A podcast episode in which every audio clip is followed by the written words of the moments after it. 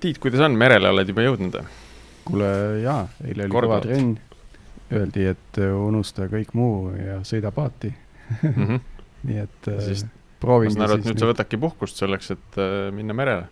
no jaa, nüüd järgmised paar nädalat on tõesti merel, et.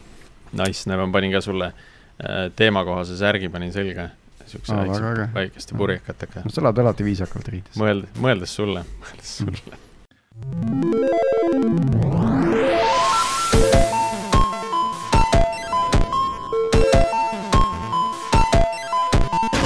tere taas Algorütmi kuulama, eetris on meie saja üheksakümnes episood, mina olen Priit Liivak Nortalist ja koos minuga Tiit Paananen Veriffist. nii, aga tänases äh, Algorütmi episoodis me räägime mitte purjekatest, me räägime Kubernetesest, äh, hoopis konteineritest räägime ja sellest, et äh, Kubernetes ei pea alati tähendama pilve. on üsna tõenäoline, et me Kubernetesest rändame ka pisut kaugemale, kuid kahtlemata on meil ees üks põnev vestlus. külas on meil seekord äh, vabavara entusiast ja Outfunneli infrainsener Lauri Võsandi. tere, Lauri! no tere, tere! Eh, ma tean, et sa oled mees mitme mütsiga, et ole hea, tutvusta ennast eh, ise veel pisut laiemalt, et, eh, et millega sa täna tegeled ja kuidas sa üldse nende infrateemadeni ja Kubernetese maailma jõudsid? et jah, ma olen siin igast erinevaid asju teinud aastate jooksul ja väga kaug-, väga kauge teema näiteks on Estobuntu, olin kunagi Estobuntu tiimis, see võib-olla on üks, üks teema, mis on, on paljudele tuttav, et tegime eestikeelset äh, Ubuntu, Ubuntu versiooni, sealt nagu see mm, Linuxi teemad nagu äh, tuttavaks said, üldse noh, tegelikult ma arvan, et see Linuxiga tutvus sai tehtud siin palju varemgi veel, et lapse, lapsest saadik tegelikult mingil määral kokkupuudet sellega olnud. ja siis äh, pikka aega ta oligi niisugune, niisugune nohikute teema, eks ju, et, et et need Linuxi mehed kuskil, kuskil keldris midagi ehitavad, aga et nagu, et päris inimesed ikka, päris IT-inimesed ikka sellega palju ei tee. aga jah, nüüd, nüüdseks on nagu see olukord on nagu hoopis pea peale keeratud selles mõttes, et kogu pilv jookseb Linuxi peal ja ja, ja ka noh, kogu see AWS-id ja GCP-d ja muud asjad, kõik see ju elab Linuxi otsas, eks ju mm,. Täna, mis ma, mis ma tänapäeval teen? tänapäeval põhiliselt äh, olen Outfunnelis infrainseneri rollis äh,, tulin siia tööle üle aasta aega tagasi ja üks mu ülesanne oligi siis äh, kolida Outfunneli äh, rakendus Kubernetesesse. et varasemalt Outfunneli infra suuresti oli lihtsalt AWS-is EC2 virtukate peale ehitatud, palju oli kodukootud skripte, kui midagi katki läks, siis oli raske tuvastada, raske parandada asju ja no nüüd on see aasta aega niimoodi möödunud ja enamus asju on Kubernetesse ära kolitud. oota, aga endiselt aga... pilves on ju? ja, ja et ta selles mõttes on ikkagi AWS-i, AWS-is on ta edasi, lihtsalt äh, ta ei ole enam EC2 äh, virtukad, vaid nad on nüüd siis EKS-i äh, teenuse peal. ehk siis on Kubernetese managed teenus AWS-ilt ma küsin siia vahele, et eh, see põhjus, miks alguses oli nende eh, Amazoni virtukate peal lihtsalt eh, oli siis, et selleks hetkeks veel ei olnud Kubernetes piisavalt küps või kui, kui alustasid või oli see lihtsalt puhas pragmaatiline? et ma arvan jah, see Outfunnel on nüüdseks,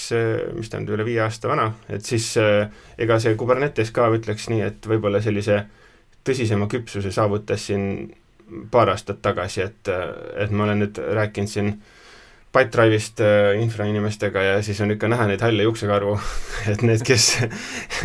kes seal proovisid neid asju ehitada enne, kui nagu Kubernetes küps oli ja käisid läbi kogu see kadalipu, kaasa arvatud Dockeri, et siis nagu noh, et ma arvaks, ma tahaks öelda, et võiks öelda, et Kubernetes oma küpsuse saavutas võib-olla siin äh, kaks aastat tagasi näiteks mm. -hmm. Aga jah, et selles mõttes, et äh, ega see Kubernetes ainuüksi võluvits ei ole, et seal on nagu neid aspekte on muid, muid teisigi veel, eks ju, et noh, et üks asi on, üks asi on nagu lihtsalt võimaldada äh, teenuste käitamist kuskil Linuxi kasti peal, aga noh, kõik see muu sinna otsa, eks ju, logimine, äh, meetrikud, äh, kõik see muu krempel otsa, siis, siis ega see Kubernetes neid automaagiliselt ära ei lahenda, et siis sul ikkagi palju jääb selliseid lahtiseid disainiotsuseid, et mis, mis teenuse peale neid ehitada, kas neid ise hostida või mitte sageli vist nähaksegi seda natuke sellise võluvitsana, et äh, seda pilveminekut ka nähakse sageli võluvitsana, et äh, et lähme sinna, seal on kõik asjad olemas, äh, võtame ja kasutame. et see oli, see oli ka üks äh, nii-öelda alge äh, tänasele episoodile, eks, et, et tegelikult see ei ole alati selline võluvits ja pilv seab sageli ka endale en,, enda poolt mingisugused piirangud ja vahel üsna ranged piirangud, mis tegelikult ka rakenduse arhitektuuriga ei sobi Äh, ja, ja noh, siis, siis oledki nagu natuke lõhkise küna ees, et noh, et mis siis, mis siis teha, et kas tõstad jupid pilvest välja või, või ehitad oma rakenduse ümber, on ju. et äh, Lauri, sinuga me rääkisime vist eile sellest äh, mis näide, mis näite sa tõid, see Mongo näide oli, eks, et mm -hmm. kuidas noh, võid justkui nagu Mongot teenusena võtta, aga tegelikult sa ei saa sealt kasutada kõike, kõige uuemaid kellasid ja vilesid, on ju et no võib-olla kui nagu Outfunneli kontekstis näidiseid tuua, siis noh, a la meil oli seal kasutatud äh, Mongo andmebaasi ja Redist äh, väga palju,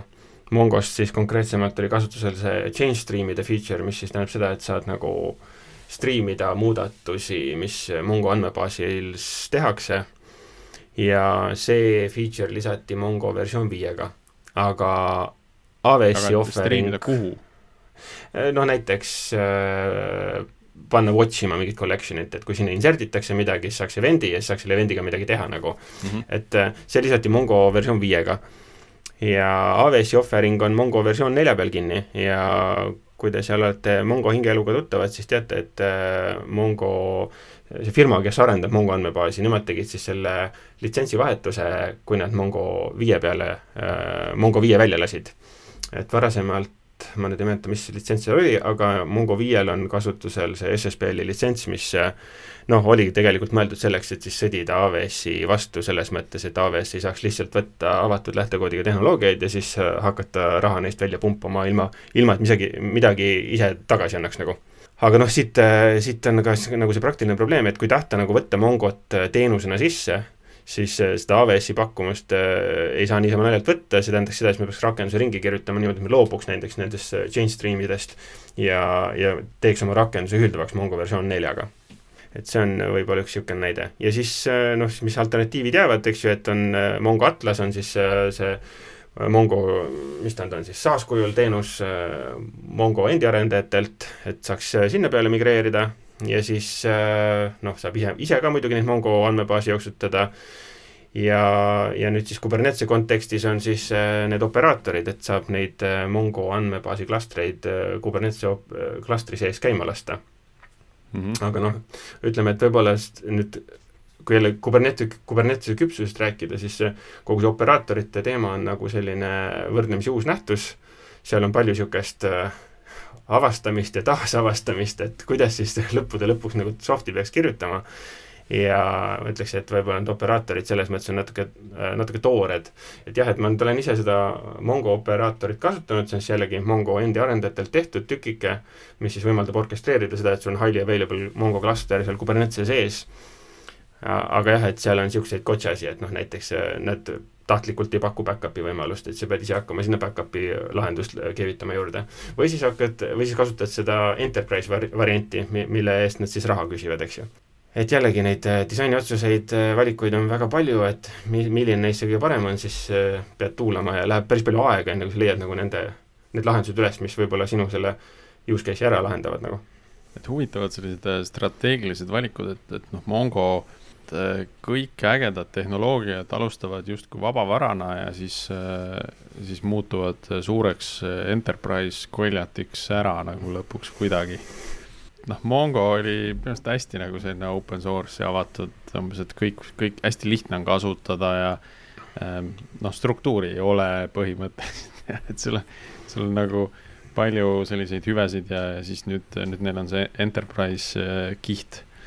litsentsides juures ja seovad ka mitmeid featuure sellega. et see on mm -hmm. nagu huvitav näha, kuidas see maailm muutumas on sinna, seal suunas. no nii, aga nüüd, kui Outfalleni Kubernetesi klaster on Amazonis äh, nii-öelda äh,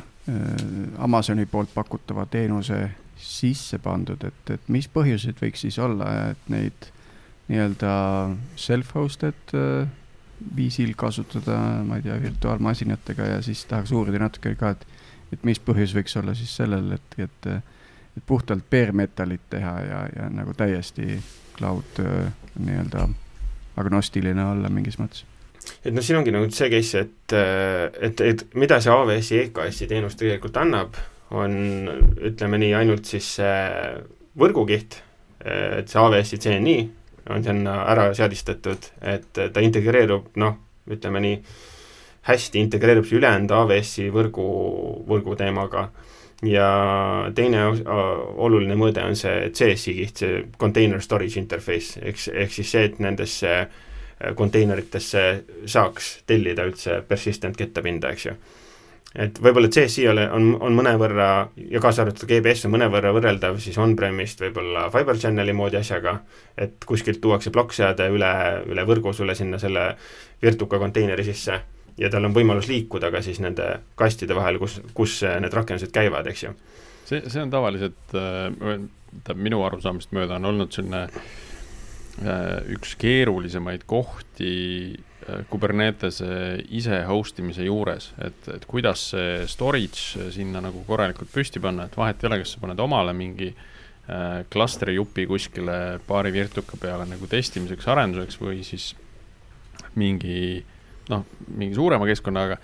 aga see on just nagu see valus koht, et kuidas sa selle storage'i püsti paned, sest seal neid võimalusi on palju, tehnoloogiaid on palju, kogu see keerukus nagu selle teema ümber on päris suur mm. -hmm et äh, noh, see ongi see lugu, et eks ju AWS-i, AWS-i CBS-i osa on nagu hästi ära testitud, nad lihtsalt ütleme nii, expose isid selle sinna Kubernetese kihti, et selles mõttes, et see on nagu ähm, established tehnoloogia, mis on battle, battle proven ja nii edasi, eks ju, enne juba, enne kui need äh, konteinerid tulid, eks ju, ja, ja see osa nagu ma ütleks, et AWS-i puhul töötab hästi. siis kui nüüd ise, ise teha Kubernetest, eks ju, siis noh, selle algab küsimus sellest, et kas, kas on üks node või sul on mitu node'i, et mm. üldiselt Kubernetes no, tehakse ja vaata, siin ongi see, et üldiselt tehakse sellel eesmärgil ikkagi Kubernetest, et sul on mitu node'i, aga noh, kui vaadata seda Kubernetest kui infrastruktuuri standardiseerimislahendust, siis, äh, siis tegelikult Kubernetes saaks ka hästi kasutada ühe, ühe node'i peal, et siis sul on sama, sama viis äh, deklaratiivselt kirjeldada oma infot, isegi kui ta on näiteks mingi back-up'i tegemise kast kuskil. ja noh, seda näiteks ma tegin siin ka just nädalavahetusel, et äh, kodune kettakast, kus noh,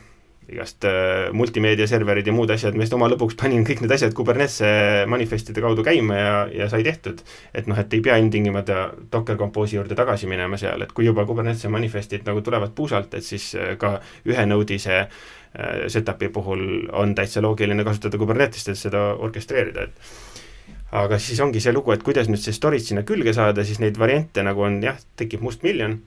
et noh, antud juhul, mis siis, äh, mis ma tegin, oli, äh, leidsin mingisuguse OpenEBS-i, ZFS-i äh,, CS-i vidina, mis siis teeb Google, sul ZF-. Google Searchi esimene match umbes nii, jah. mingi suval, suvaline tükk, mis põhimõtteliselt ZFS-i äh, pool'ist võtab äh,, tekitab dataseti ja siis hagib selle poodile külge aga kui me nüüd räägime sellisest äh, setup'ist, kus neid nodesid on ikkagi rohkem kui üks, siis nagu asjad lähevad hulga kirjumaks sellepärast et noh, et, äh, et mitme äh, mitme node juures on esiteks see mõõde, et kas, mis kihis me nagu neid andmeid replikeerime, kas me replikeerime neid block device'i tasemel või kuskil kõrgemas kihis. kui, kui, kui on see kitsendus, et ta peaks olema ploki tasemel replikeeritud, siis noh, meil ongi kaks suuremat varianti, on siis Ceph ja Longhorn. Longhorn on siis äh, Rancheri arendajate poolt tehtud no, replikeeriv block storage'i lahendus. Ja Cephil on ka nüüd huvitav suund, on niisugune projekt nimega RUK, mis siis pakendab Cephi ära Kubernetese jaoks, nii et sa nagu deploy'd selle Kubernetese klastrisse ja siis ta teeb, iga node teeb sisuliselt ka siis selleks äh, data bearing node'iks ja lahendab siis selle üle võrgu replikeerimise seal sees ära, eks ju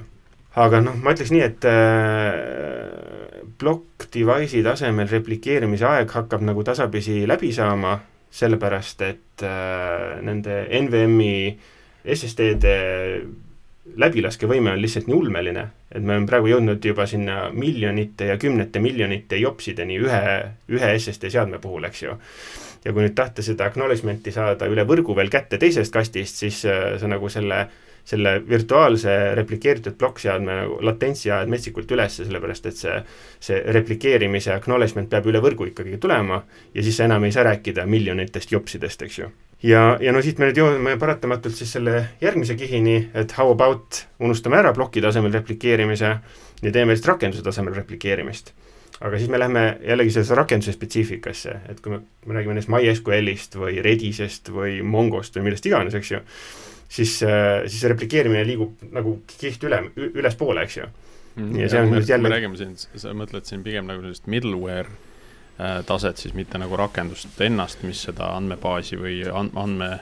noh, nagu rakendust, nii-öelda seda, seda rakendust, mis andmeid haldab, mis siis ongi baasirakendus või vahemälu või noh, mingi Redis, no, Mongo. ja no ütleme, et, et ütleme, et võib-olla sinna kodukootud äh, rakenduse spetsiifikast ma hetkel ei räägikski, et ma räägin, ütleme, et kui sul see kodukootud rakendus kirjutab MySQL-i, et siis äh, see replikeerimine võiks toimuda MySQL-i mm -hmm. prime, primary replika tasemel üle, üle võrgu siis. ja siis sellisel puhul oleks see võimalik, et see primary annab selle acknowledgement'i oma kohaliku SSD pealt ja siis äh, slave replikeerib üle võrgu ta ära. et siis sellisel puhul oleks võimalik see kompromiss, et see, see write acknowledgement tuleb kiiresti ära kohaliku NVM-i pealt ja siis replikeerivad node'id toimetavad siis asünkroonis sünkroonis näiteks. Vot, et ja aga noh, siis ongi see, jõuame nende operaatorite juurde tagasi, et operaator peaks olema see mehhanism, mis nagu haldab neid replikasi seal Kubernetese klastris. Ja siis sellisel puhul äh, nendele äh, iga, iga pood siis nagu saaks külge ainult kohalikku kettapinna mm.. no mingid aastad äh, tagasi oli nagu hästi selge suhtumine see, et et üldse sellised andmeid haldavad äh, rakendused, andmebaasid, eks ole näiteks ei peaks üldse Kuberneteses olema, et, et noh, neid peakski eraldi nagu paigaldama, eraldi haldama, et see on noh, et neid nähti rohkem sellise,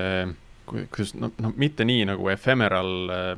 olemitena, nagu on rakendused, et võtad maha, paned uue püsti, üks, üks node kukub, teine tuleb, et asjad nagu liiguvad, et pigem nad olid sellised äh, püsivad nähtused mida siis äh, see andmebaasi admin käis ja hellalt paitas ja, ja, ja rääkis talle häid sõnu ja siis, äh, siis asi töötas, on ju. Mm -hmm. kuidas, kuidas sa nagu täna seda näed, et mulle tundub, et noh, Postgre nagu murdis nagu selgelt selle, aga noh, minu pilt on võib-olla natuke liiga relatsioonilistes äh, baasides ka, et võib-olla mingi baas nagu tegi selle muutuse juba varem ära et jah, see Kuberneteses üldiselt see persistent storage oli nagu ütleme, tabuteema nagu pikalt, eks ju mm. -hmm. aga, aga nagu äh, praeguse seisuga jälle, kui vaadata selles mõttes infra standardiseerimise perspektiivist asja, siis mina isiklikult enam ei, ei viitsi ühtegi Ansible'i playbooki kirjutada, ühtegi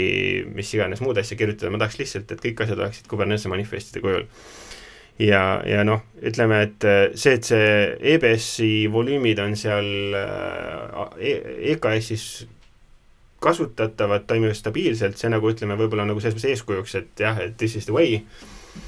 aga jaa, selles mõttes see üldine mõte, mis sealt pilvemaailmast äh, ka minu jaoks värskenda-, värskendavana tuli, et see, et kõik asjad on ephemeral, ühtegi virtukat, äh, üheski virtukas ei ole mingisuguseid asju, mis ei tohi kaotsi minna, vaid et võidki virtukad õhku lasta, võid põhimõtteliselt piltlikult öeldes lennukil kõik jupid äh, lennus olles välja vahetada ja, ja rakendus töötab edasi, eks ju. et see, see mulle väga sümpatiseerib ja, ja viimased, äh, viimased on-prem'i Kubernetese klastri upgrade'id olid ka sellised, et lihtsalt äh, kustutasin rootfs-i ära ja panime uuema Ubuntu rootfs-i asemele ja siis join isime nad uuesti klastrisse. et äh, kui on-premis asju teha, siis see, see cloud native'i, jah et ei peagi ühesõnaga tegema mingit äh, kerneli upgrade'i, paned lihtsalt uue masina kõrvale ja yeah. notid nagu vanad maha ja on, on palju lihtsam seda asja teha, kui yeah. hakata seal midagi uuendama. jah, ja ma arvan, et see põhimõte kandub laiali väga paljudesse muudesse aspektidesse veel, et näiteks et ütleme, a la, kui nüüd mõelda näiteks mis iganes, samamoodi MySQL-i klastri, klastri upgrade'ist, et seal võib samasugune olukord olla, et äh, pannakse uuema versiooniga kas ta siis on pood või ei ole pood, see võib-olla isegi on eraldiseisev küsimus, et kas ta on pood Kubernetese klastris või ta ei ole puud, pood Kubernetese klastris, et pannakse see uus instants käima, join itakse klastrisse, andmed replikeeritakse ringi ja kustutatakse vanad äh, replikad sealt andmebaasi klastrist ära, et selline ütleme nii, see, see ephemeral äh, lähenemine seal ka toimib minu arust väga hästi. ja, ja kui nüüd vaadata, et nagu miks äh, nii teha, siis puhtalt nagu tarkvara tarkvara kirjutamise perspektiivist nagu add ja remove on väga lihtsad operatsioonid, aga edit on selline koht, kus neid corner case'e nagu eksponentsiaalselt tekib juurde ja ausalt öeldes ma olen praeguseks nagu sügavalt kahtlen, et ükski tarkvarainsener suudab selle edit operatsiooni nagu niimoodi ära programmeerida, et, et kõik corner case'id on handle itud seevastu nagu see add ja remove operatsioonid, ma arvan, annab, annab niimoodi ära programmeerida, et äh, seal on, ei ole neid corner case'e, kus asjad võivad niimoodi õhku minna. Ja noh, see jälle korra, jälle, jällegi omakorda ju viib tagasi sinna noh, siin mingi, mingi hetk käis läbi see immutable commute, computing või immutable, no immutability, eks ju, üldine kontseptsioon, kaasa arvatud ka mäluhaldusest ja muudest asjadest, et siis äh, seal ma arvan, neid paralleele on palju, et äh, et on lihtsam nagu uus teha ja vana ära kustutada, kui muuta olemasolevat asja nagu jah mm, -hmm. aga nüüd, nüüd see, et, et okei okay,, sul on pilves, eks ju, kas siis pilve poolt pakutava teenusena või siis, või siis oma virtuaalmasinate peal, aga mis põhjusel võiks seda run ida täitsa nagu bare-metal'i peal? nii, bare-metal'i peal äh,. Äh, võib-olla kontekstiks siis äh, üks, üks asi, millega ma olen siin viimased viis aastat äh, tegelenud, on äh, niisugune asi nagu Kspace. et äh, ma ei tea, võib-olla olete kuulnud, teeme Hackerspace'i ka-, K-Kaag, K-Space. K-sidekirips Space. jah, okei okay. et teeme Cybernetica majapööningul teeme Hackerspace'i. see on mm. nüüdseks üle, üle viie aasta oleme seal olnud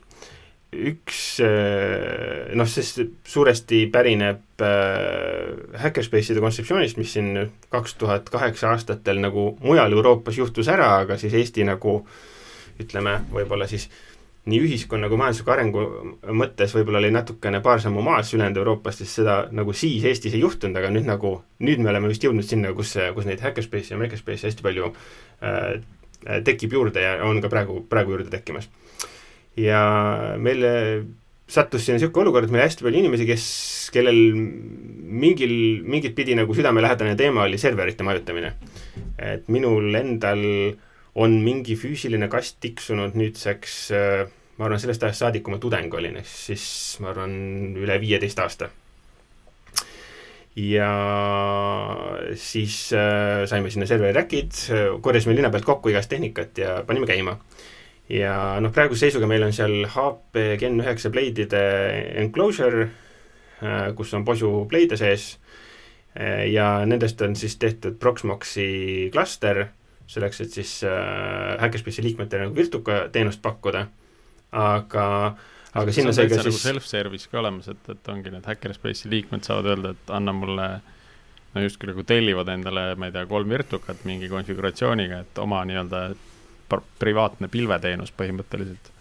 see on, see on praegu to do's on meil, et me teeme siin kakskümmend seitse kuni kolmkümmend juuli teeme häkatoni seal ja üks häkatoni teemapunktidest ongi Proxmoxi self-service, et logid, logid sisse kuidagi või saad API key ja siis saad tellida virtukaid. ja sinna nüüd siin kaks aastat tagasi saigi ka kohalikud SSD-d äh, sisse pistetud natukene suuremad ja siis tehtud ka esimesed Kubernetese klastrid ja nüüd me oleme sealt tiksutanud niisugust äh, ise, ise host itud Kubernetese klastrit.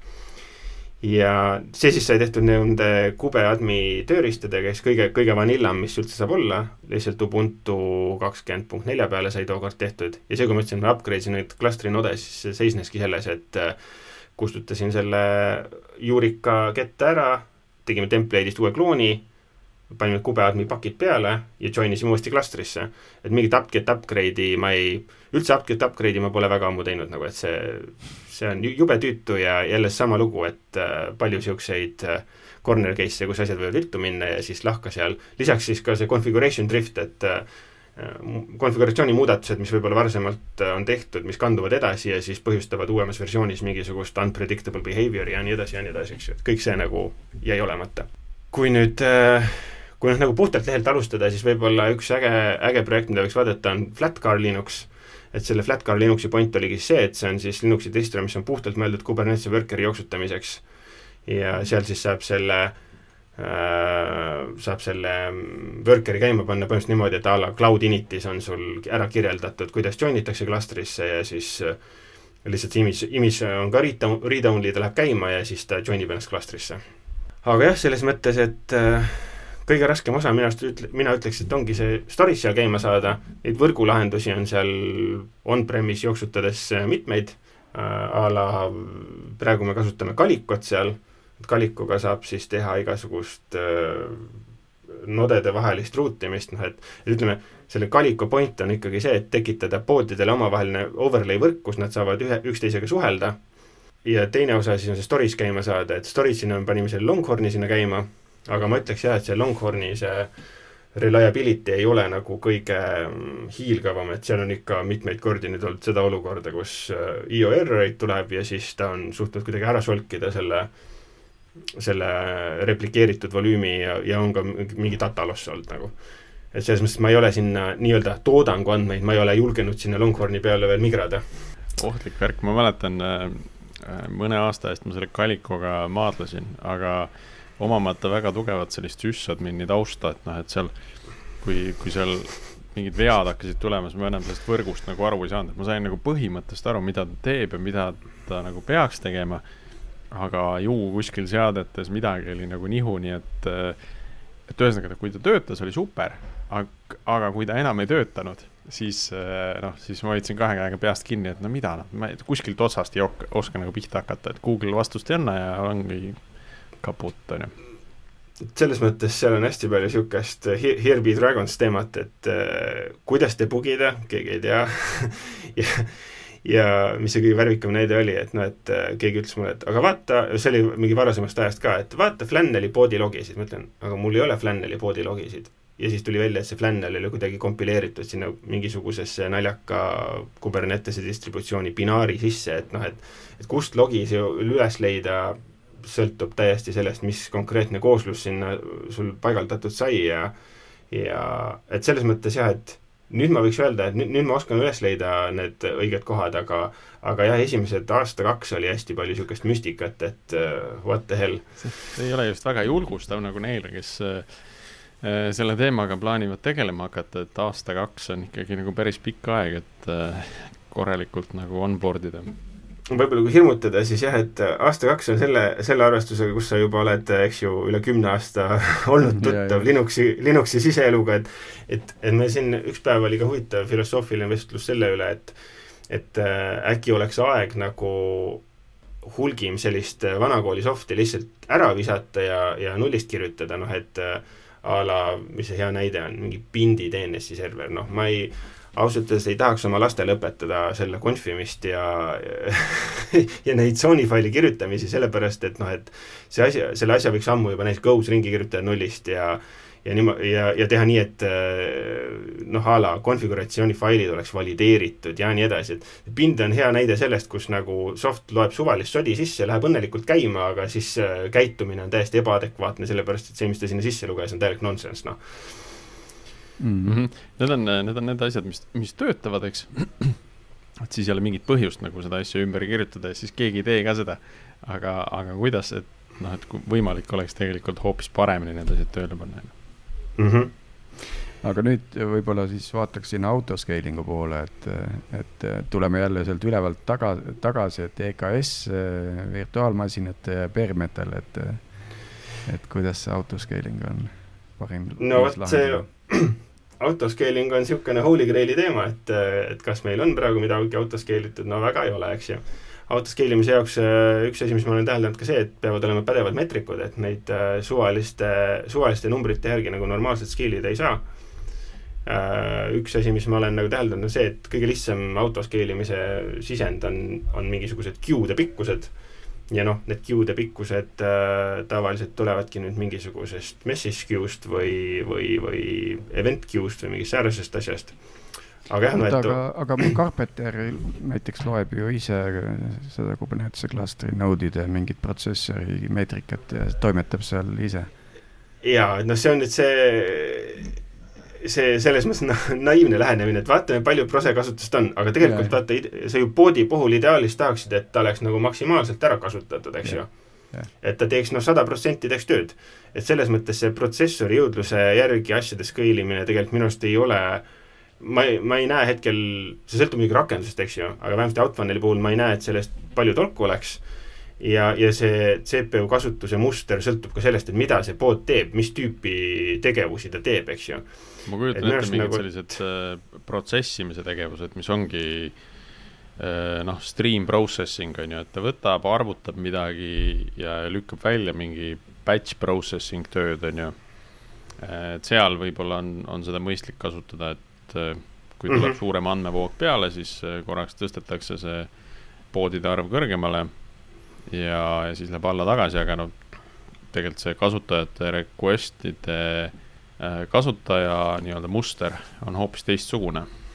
mm. -hmm. et no ütleme, et, et jah, et, et Outfunnel selles mõttes on jah, võib-olla hea näide nagu ETL-i rakenduses on siis extract, transform ja load, eks ju, et äh, andmed tulevad webhookide kaudu sisse äh,, neid töödeldakse ja siis need andmed voolavad edasi välja kuskile, et see kõige parem näide võib-olla on see, et a la klient soovib sünkroniseerida kontakte mm, Pipedrive'ist MailChimpi, siis äh, Pipedrive'ist tulevad need webhookid sisse, nendega vaja mingid tegevused teha ja siis äh, need andmed voolavad välja omakorda kuskile MailChimpi, siis äh, äh noh, meil see kõige parem näide on see, et äh, tuleb hunnik webhook'e sisse, noh a la miljonites, siis äh, nüüd oleks vaja siis selleks, et see queue nagu ära, ära süüa kiiresti, siis selleks oleks vaja poodide arvu üles keerata, on ju ja sellisel juhul nagu minu arust see kõige lihtsam sisendmeetrika olekski siis see queue pikkus, et palju on neid asju, mida on vaja töödelda. ja see CPU kasutuse muster tegelikult äh, ei ole väga palju abiks nagu selleks, et seda poodide arvu scale ida oota, aga see tuleb juba rakendusest endast siis, eks ju, et hoopis kõrgemalt ja. tasemelt, eks ju. jaa. sest ju, just nagu sellises olukorras ilmselt ongi mõistlik, et sa mitte ei skaleeri nii palju, et kõik poodid oleks viiekümne protsendi peal, vaid hoiadki, et kõik on saja peal natuke läheb kauem aega, aga see on fine, sest mm -hmm. noh, see, see on nii-öelda ootuspärane queue töötlemise aeg, on ju. Mhm. ja teine mõõde on ka see, et noh, et ega seda poodide arvu ei saa utoopiasse lasta, et ütleme, kui iga pood tekitab nüüd sinna Mongosse näiteks äh, viiskümmend või sada DCP ühendust, siis ega need DCP ühendused saavad ka mingi hetk otsa, et siis äh, noh, see, lased lihtsalt selle Mongo lõpuks pikali et äh, selle autoscale imise puhul ongi, sest äh, me oleme vähemasti mingitel rakendustel pannud nagu vahemikku, et ütleme viis kuni viisteist poodi. aga noh, ütleme, et selle alla scale imise point tegelikult peaks olema see, et sa ju säästad raha, eks ju. ja noh, siis, siis me jõuamegi sinna, et, et, et mida sa siis, mis asjad on need, mida sa auto scale'id. ja see AWS-is on äh, võimalus äh, kasutada spot instance'e, spot instance'id on siis äh, odavamad EC2 instantsid, aga nad tulevad selle mööndusega, et AWS võib nendel nagu rubilnikut tõmmata, et tõmbavad juhtme sabast, ütlevad, et neil on äh, tähtsam klient, kes on valmis rohkem maksma kuskil mujal, me võtame sult need ära. et noh, sellise queue process imise juures ma arvan, spot instance'ide kasutamine oleks võib-olla hea näide, et seal võiks kasutada neid. ja see eeldab ka seda, et sul on äh, süsteem vastavalt arendatud, mis saab hakkama sellega. kõik need äh, noh, kõik niisugune nagu acknowledge äh, processing on nagu paigas, et iga tegevusele mm -hmm. järgneb mingisugune äkk, on ju. Mhm. Äh, et kuskil midagi pooleli ei jää õhku niimoodi et see võib-olla nagu tegelikult peegeldab üleüldse seda Kuberneteses rakenduste programmeerimise mõtteviisi, et noh, et äh, siin üks äge link on niisugune, kui internetist otsida, on see twelve factor äpp vist oli see mm. veebisait. ja seal on hästi palju neid põhimõtteid välja toodud, et noh, et a la ära kunagi eelda, et äh, poodist käib ainult üks instants. et noh, põhimõtteliselt kui sul tehakse, kui deployment teeb restarti, siis äh, Mm. siis ega sul pannakse uus pood kõrvale ja vana töötab edasi, see on selle eesmärgiga, et nagu schedule'i pannud, et äh, ma tahan ainult ühte poodi sellest, et ma ei tahagi, ma ei tahagi lasta, ma tahan ühte, aga sellel restardi või upgrade'i hetkel võib seal ikkagi olla kaks tükki kõrvuti. just et isegi kui replikas on üks ja sa teed äh, deployment'ile versiooni uuendust või restarti, siis äh, sellel eesmärgil, et klientidele mitte serveerida vigu, pannakse uus pood käima ja vana pood veel peab teenindama need vanad ühendused ära ja muidugi sellel, see hetk, kui see uus käima jõuab minna, siis need uued ühendused lähevad sinna uude poodi, eks ju. aga, aga sellest tuleb üks huvitav äh, järeldus, implikatsioon nagu see soft'i arendamisele, et kas su soft on programmeeritud niimoodi, et ta arvestab selle asjaoluga. noh, näiteks hea näide on see, et rakenduse sisse pannakse mingisugune cache imise mehhanism, noh, mingisugune TTL, TTL-iga dictionary või midagi niisugust, noh, siis läheb kohe katki see asi, eks ju. ja, ja nii edasi ja nii edasi, või veel parem näide on see, kus äh, asjast peakski, peabki üks instants käima, et siis tegelikult deployment'i kujul ei tohiks käima panna aga jah, et äh, need on need niisugused äh, pilverakenduste programmeerimise põhimõtted, et asjad tulevad ja lähevad nii, nagu jumal juhatab, et sul rakendus peab olema, rakenduse kood peab olema kirjutatud, arvestades seda, et noh, äh, mis see, mis see näide on, see, no see pet versus cattle, eks ju. Jah. et Mhm. see server, server ei ole lemmikloom, teda ei pea nii-öelda sitapilpe peal hoidma, vaid kui ta haigeks jääb, siis ta lastakse maha lihtsalt. väga jõhker. ja võib-olla siis natukene vaataks seda deployment'i poolt ka, et, et noh, Veriffi näitel me oleme ikkagi ehitanud sinna Kubernetese API otsa nagu väga sophisticated deployment tool'i, millel on oma UI ja kõik see, et mis on seal võib-olla mõned siuksed soovitused jälle alates sellest EKS-ist ja nüüd alla virtuaalmasinate bare metalini välja, et et jah, võib-olla kommentaariks seda, et üldiselt nagu enamus seda tooling stack'i, mis on Outfunnelis, on väga paljuski sarnane sellega, mis me sinna Hackerspace'i ehitasime. et noh, Outfunneli puhul oli ka nagu see, et noh, et ütleme, et et kas me, kas me hakkame AWS-i oma neid asju kasutama, et noh, AWS-il on ka need logi agregaatorid ja muud asjad, eks ju, et, et ei, sellepärast et noh, näiteks a la Greylogi meil kasutati varasemalt ja siis arendajad tahtsid Greylogi kasutada ja siis me selle Greylogi migrasime sinna Kubernetese ringi, eks ju. ja, ja, ja üldse ma ütleks, et Outfunneli puhul ongi see, et Greylog on siis ka paigaldatud äh, kubes äh, selle manifesti kaudu, et ta on Just. manifestis defineeritud, seal on ka Just. sõltuvustena Elasticsearch minu teada, see on samamoodi siis Kuberneteses oma persistent storage'iga. jah, ja FileBeat on see, kes näiteks logisi kokku agregeerib kastidest. ja et selles mõttes seal nagu, nagu need, selle Hackerspace'i ja Outfunneli vahel, vahel neid paralleele on palju ja rakenduste deploy miseks me kasutasime, Hackerspace'is kasutasime Argot, Argo seed'id mm. -hmm. Argo seed'i point on siis põhimõtteliselt see, et ta track ib Giti repot ja siis äh, rakendab äh, muudatusi sinna Kubernetese klastrisse. ja sealt selle kaudu saab ka siis rollback'i teha äh,, kui midagi nihu läheb. ja selles mõttes mulle õudselt meeldib. jaa, mulle ka väga meeldib. et Argo on niisugune, et ütleme, et kas ma, et kui sa küsid sedapidi, et kas ma teen a la kuskil äh, CI/CD pipeline'is kubectl apply äh, deploy imise hetkel, siis ei,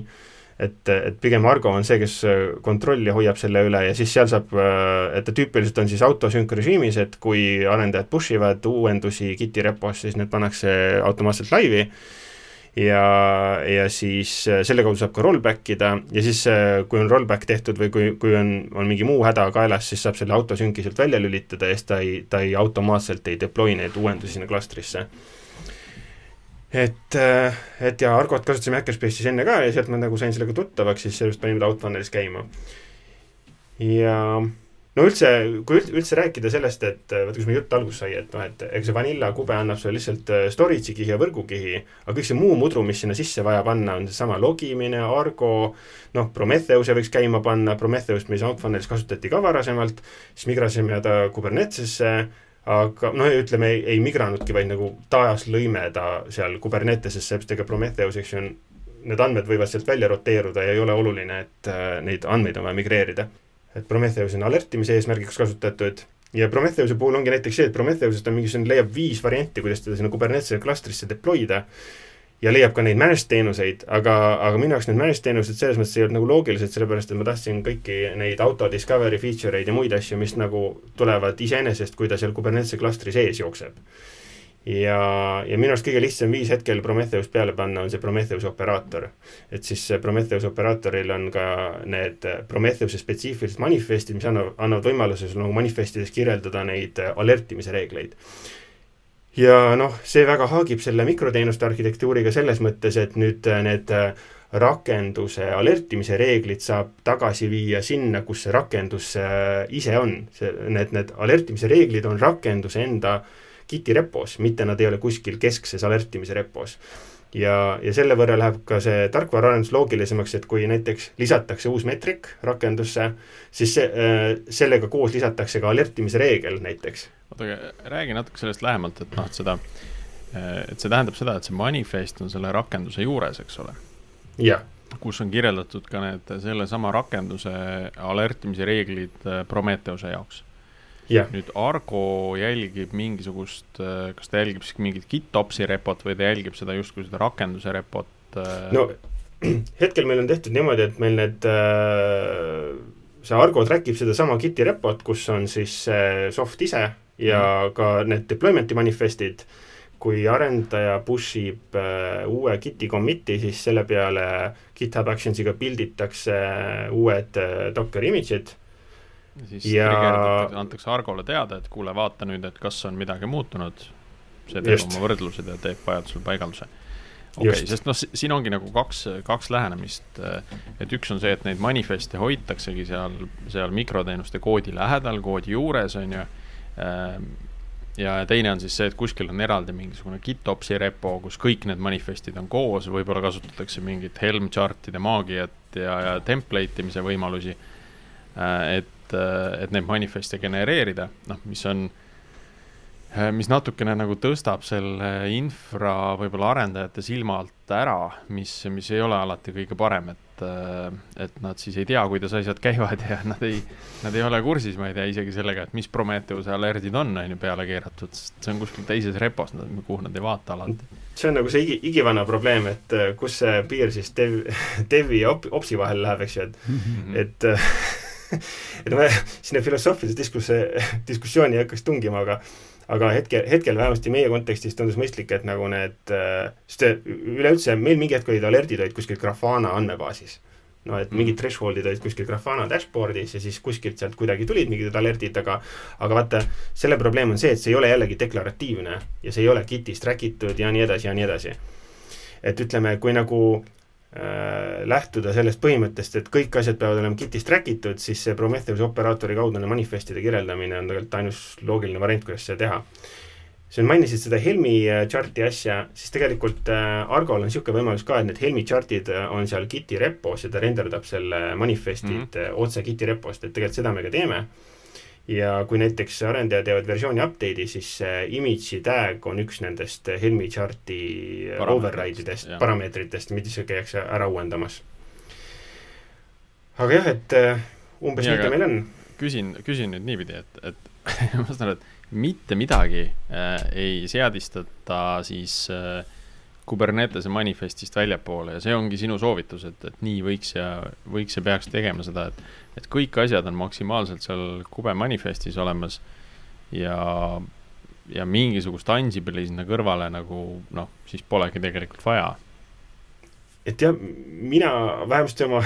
ütleme nii, elufilosoofiaks olen selle, selle hetkel se seadnud, sellepärast et äh, see, mis eelnes, on minu arust täiesti sõgedus mm. -hmm aga kui nüüd ekstrapoleerida edasi, vaata seda asja, siis on nagu see küsimus, et et äh, kuidas nüüd need SaaS-i äh, provider itelt neid asju kätte saada, neid teenuseid tellida. ja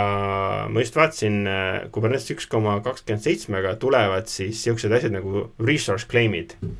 et pood saab kirjeldada, et tal on vaja näiteks MySQL-i andmebaasi. nii et see on natuke nagu Kubernetesesse sisse ehitatud Terraform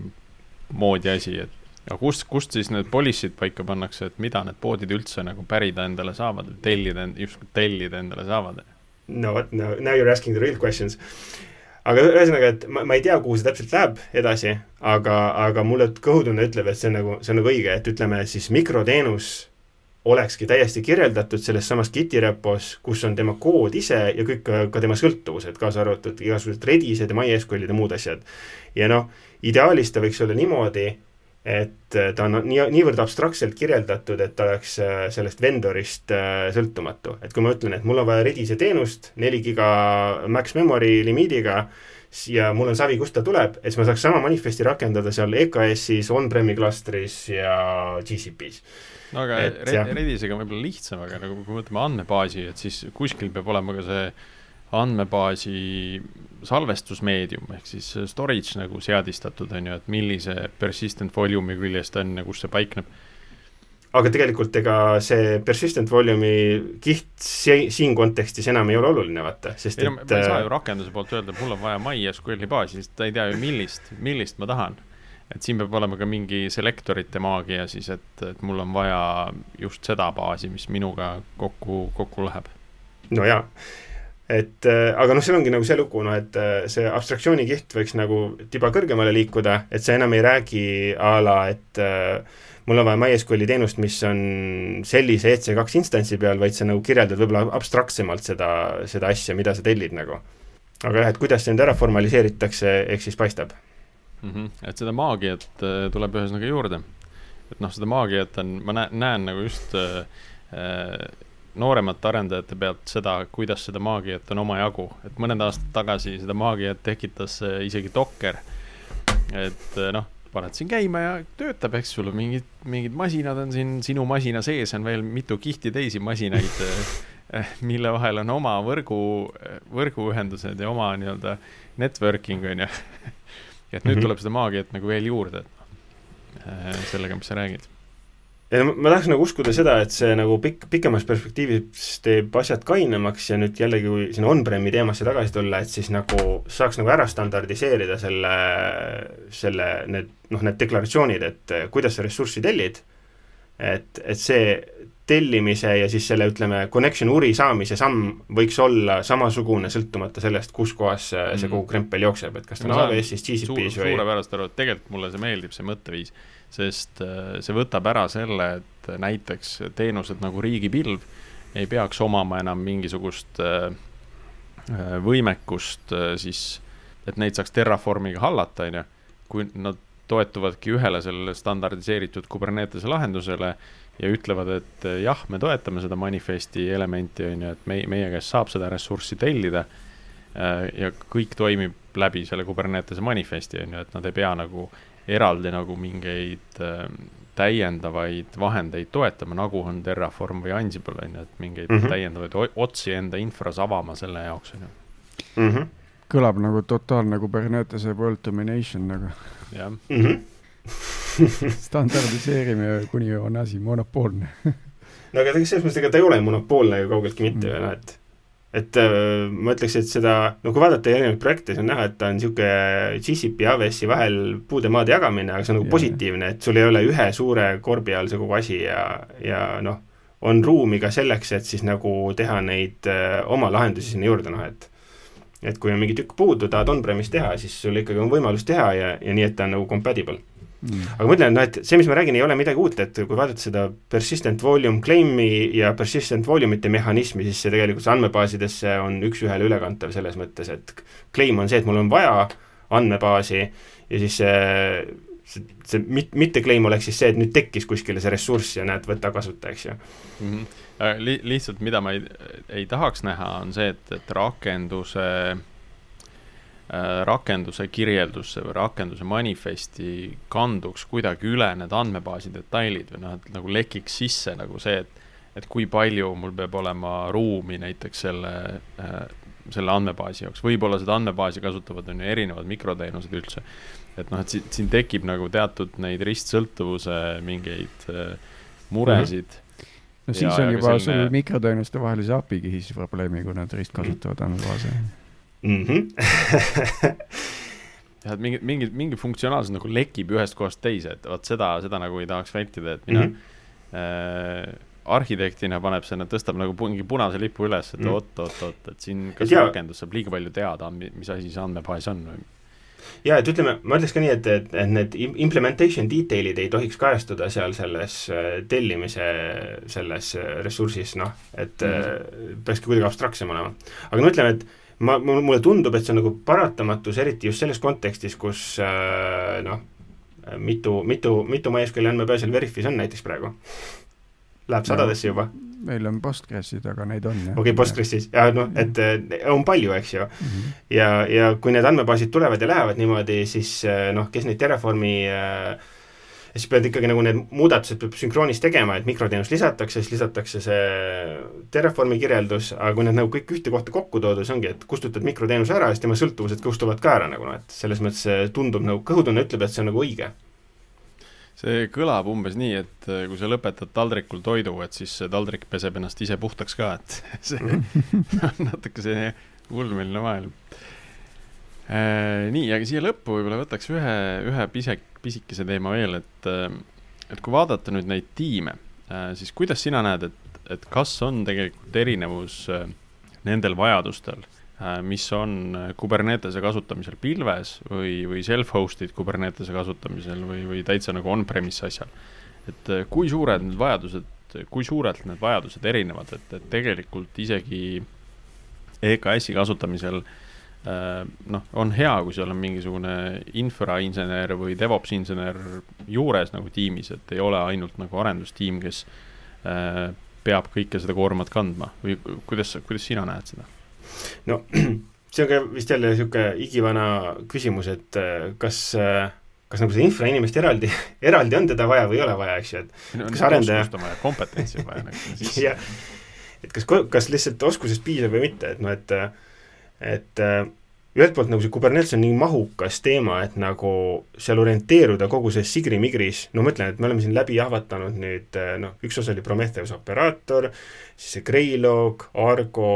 siis igasugune SSO teema, see, et saaks autentida normaalselt, kaasa arvatud ka siis nendes tugi öö, nagu toetavates teenustes nagu Prom-, Prometheuses ja Grafanas ja Greylogis, et me oleme, kõikidel on SSO peale, peale surutud äh, Äh, Outfunnelis on see source of truth'iks on siis äh, GitHub pandud,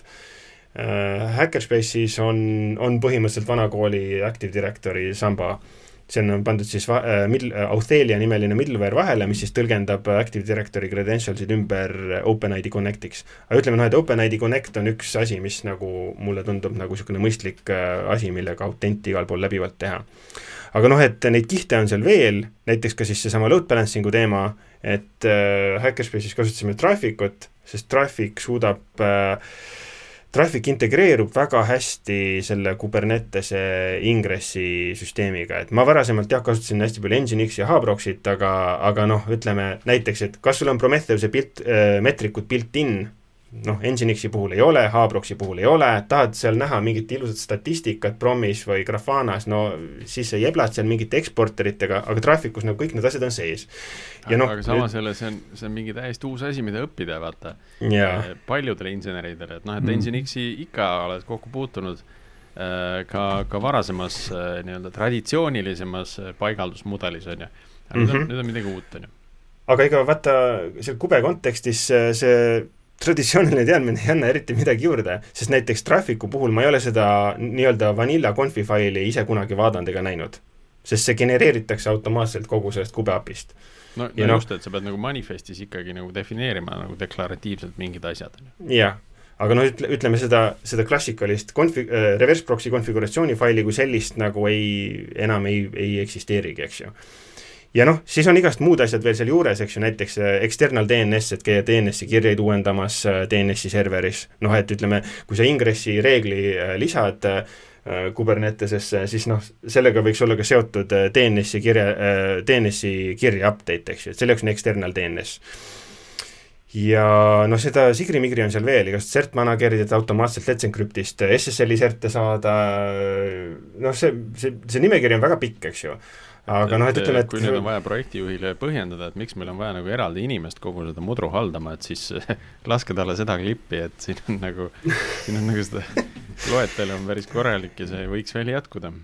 ja see loetelu läheb väga-väga pikaks ja siis ongi nagu see, et, et okei okay,, et võib ju, võib ju ilma nende asjadeta ka, ka hakkama saada, aga siis on nagu see küsimus, et et äkki, äkki nagu nende arendajate tootlikkus äh, kannatab selle tõttu, et nagu infras on sellised puudujäägid, et arendaja lihtsalt ei ole võimeline tootma sulle rohkem koodi, kuna seda mhm. jälle mingi jama, mida jah, jälle mingi jama, millega vaja tegeleda, just nimelt, noh. et ma arvan, et äh, Outfunneli kontekstis võib vist julgelt öelda, et nagu see kubesse migramine tegi elu hulga lihtsamaks ja eks muidugi on jätkuvalt ikka seda veel, et need arendajad küsivad mingeid, mingeid asju, aga ideaalis võiks nagu tegelikult arendajatele see üle anda, et saate ise hakkama, kui mingisuguse jama kokku keerate, küll ma siis lahendan, eks ju, aga noh, et ma ütlesin ka vist suht mingi siia tööle asu-, asumise algusel, alg-, alguses ütlesin, et noh, et vaadake, et teie eesmärk on minust lahti saada. No, see on kõik, kõigi meie eesmärk, et see on, see on hea äh, kvaliteetse töö al-, alus või? jah, manageeri ennast süsteemist välja umbes nii, jah. aga jah, et äh, üldiselt nagu arendajatele võib-olla sõnum olekski see, et noh, et äh, Kubernetese skill'i on, äh, on mõistlik omandada, see tööturul ilmselt annab palju juurde, noh, et paistad, paistad välja hallist massist, eks ju, ja noh, võib-olla siin nüüd tagasi peegeldada ka seda Google'is töötamist, ma olen Google'is SRE-na töötasin poolteist aastat mm. mõnda aega tagasi. see on hea, et sa siin selle mööda minnes niimoodi tropid lihtsalt siin et Google'il on see SRE raamat ja seal oli üks väga hea,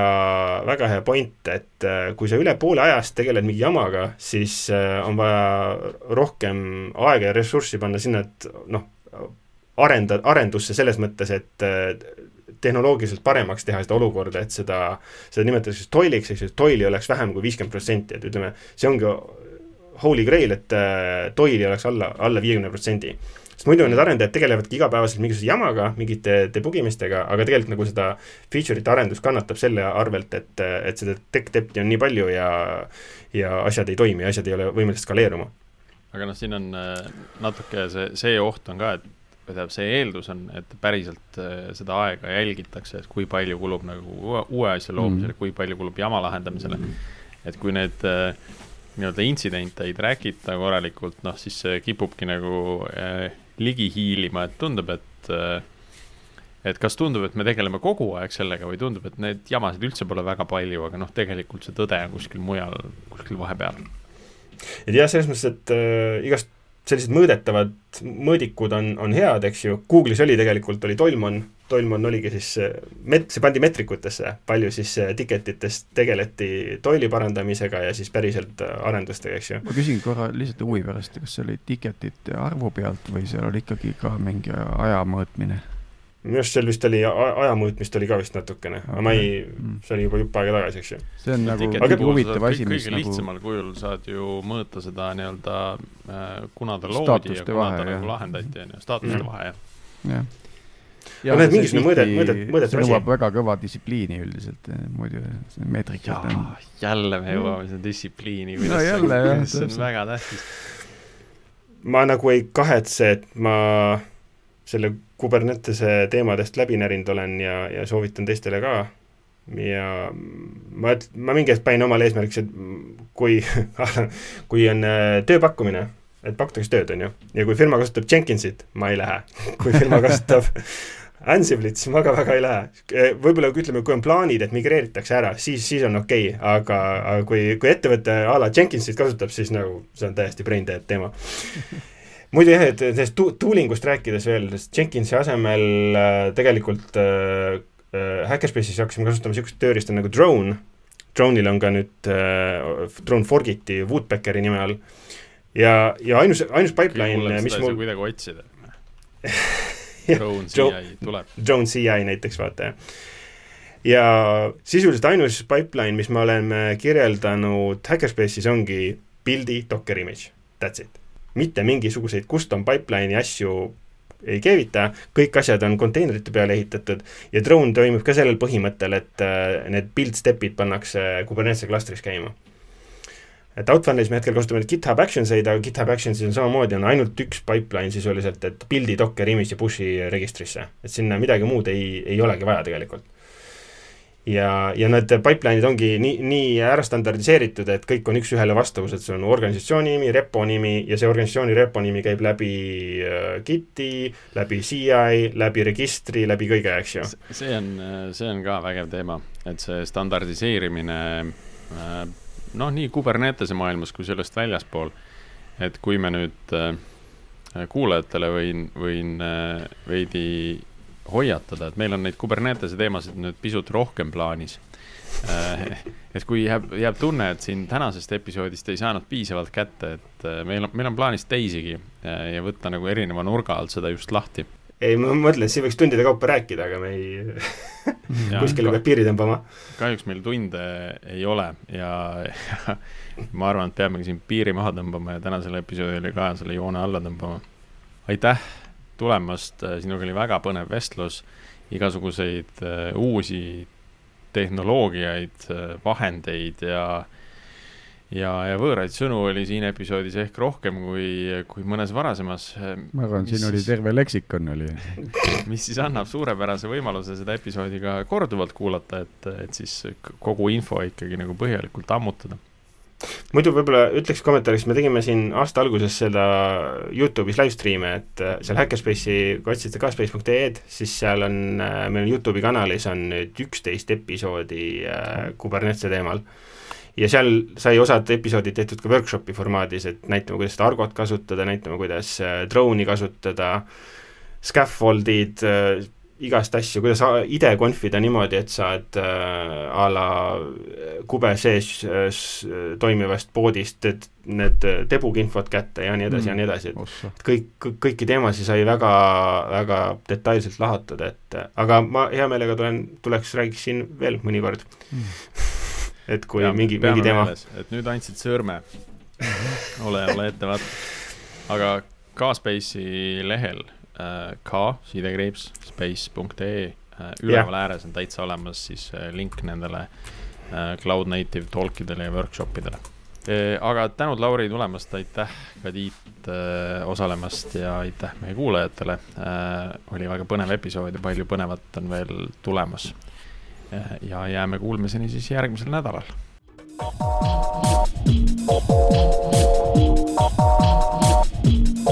you.